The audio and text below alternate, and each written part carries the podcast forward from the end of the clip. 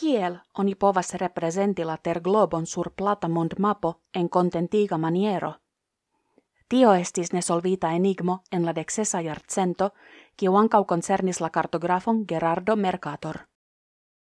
Dum tiu tempo, mapoi kai globoi popularigis kiel prestigiai obiectoi de ricia mesa classo. La granda postulado al portis al Gerardo Mercator prestigion kai ricetson. Ec de 1552 la Flandro vivis en Duisburgo kai tute dedicis sian passion al fabricado de kiel eble plei precisai mapoi kai globoi. Gerardo Mercator tiam atingis mondan famum per genia ideo.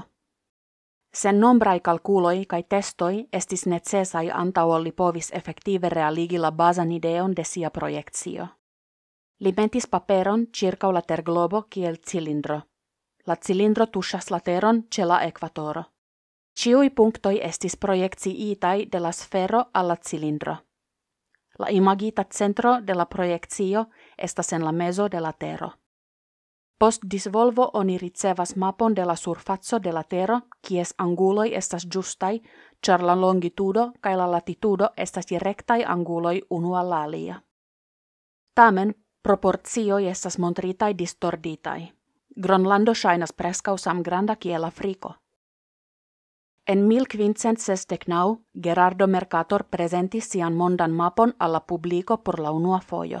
La carto de 1,34 metroi oble 2,12 metroi ricevis la titolan aldonajon por marista uso. Gi poste estis dividita en dudek apartain folioin kai publicigita en libro attendita de la mondai capitanoi kun sopiro.